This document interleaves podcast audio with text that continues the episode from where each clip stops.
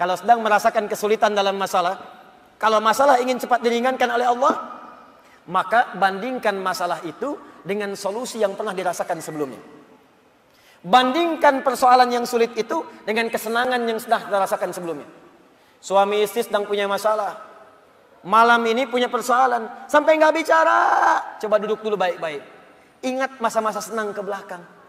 15 tahun berumah tangga. Masa mau dikalahkan dengan masalah di satu malam? Ingat banyak senangnya atau banyak dukanya. Coba timbang-timbang lagi. Mungkin dengan menghadirkan nostalgia kesenangan itu, yang ini akan terasa ringan. Ma, Kenapa malam ini kita mesti cemberut ya? Bukankah kemarin-kemarin kita tertawa? Gara-gara bapak semuanya.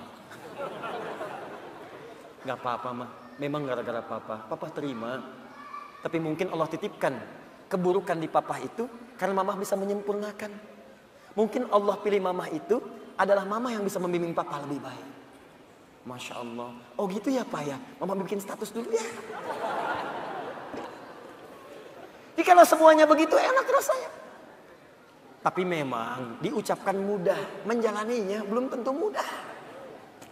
Nah, jadi kalau kita punya persoalan yang kecil-kecil sekarang, ingat masa lalu. Bu, Pak. Ya maaf di kantor ada masalah. Masalahnya hari itu. Jangan langsung merasa berat. Ada proyek gak selesai dimarahin sama bos. Anda kerja sudah 10 tahun, dimarahin baru hari itu. Senangnya kan banyak, udah 9 tahun.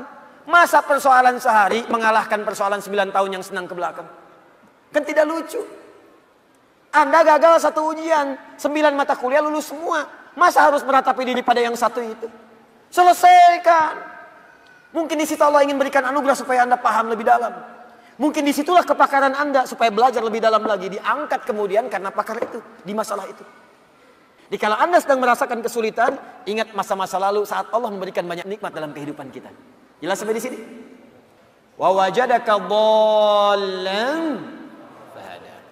Ingat Muhammad, dulu engkau belum pernah punya pengetahuan seperti sekarang.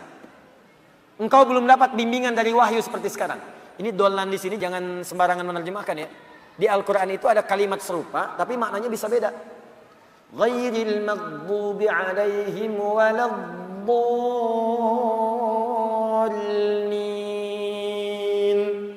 Maghdub yang tercela. Maghdub yang terhina.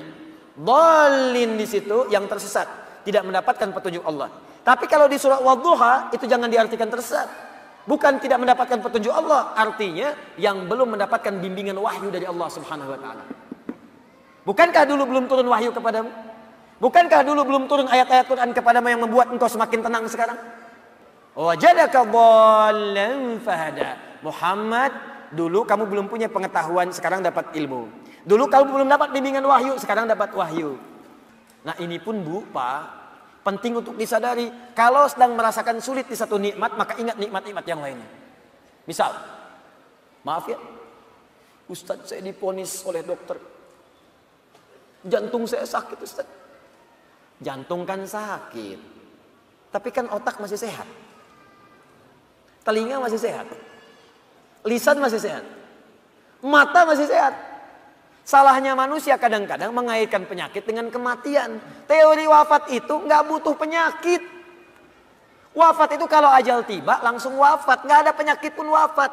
Banyak orang sehat wafat. Banyak orang sakit bahkan sampai koma belum nyampe titik. Banyak orang sakit di rumah sakit. Tapi yang meninggal bisa yang sehat duluan. Karena kaidah untuk wafat itu bukan penyakit ajal, ajal tiba. La yastakhiruna sa'ata wa la yastaqdimun. Quran surah 7 ayat 34. Ini kesalahan manusia itu kadang begitu.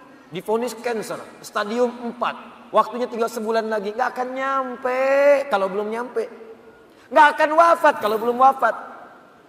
Nah, karena itu kita diajarkan oleh Allah Subhanahu wa taala, hati-hati kalau kita mendapatkan merasa kurang di satu nikmat, maka segera evaluasi diri. Barangkali nikmat yang lain lebih banyak yang pernah kita dapatkan. Apakah kita hanya akan jauh dari Allah hanya karena satu yang kita rasakan itu? Sementara Allah berikan banyak kepada kita. Jangan sampai hubungan Anda pun dengan orang. Karena ayat ini punya hablu minan nas, hablu minallah. Hablu minallah vertikal, hablu minan nas horizontal. Jangan sampai Anda punya hubungan dengan orang sudah bertahun-tahun baik, bertahun-tahun baik, putus hanya karena karena satu persoalan yang terjadi di satu hari. Sering terjadi begitu. Anda nggak sadar bertahun-tahun berteman, bertahun-tahun berkolega, bertahun-tahun bertetangga, di pemerintahan, di jabatan, di harta benda, di macam-macam. Cuman gara-gara satu persoalan lupa dengan kebaikan yang pernah terjadi di masa-masa lalu. Kalau itu terjadi dalam hidup Anda, maka Anda sedang dikuasai oleh setan. Anda sedang jauh dari Allah. Karena ayatnya mengatakan orang yang dekat dengan Allah tidak akan dipengaruhi oleh persoalan-persoalan yang tiba seketika dan dia tidak akan melupakan kebaikan-kebaikan yang pernah terjadi di masa lalu. Lawan dari Allah itu togut. Togut terbesar itu setan. Allahu waliyul ladzina amanu yukhrijuhum minadh dhulumati ilan nur wal ladzina kafaru awliya'uhumut taghut. Togut terbesar setan.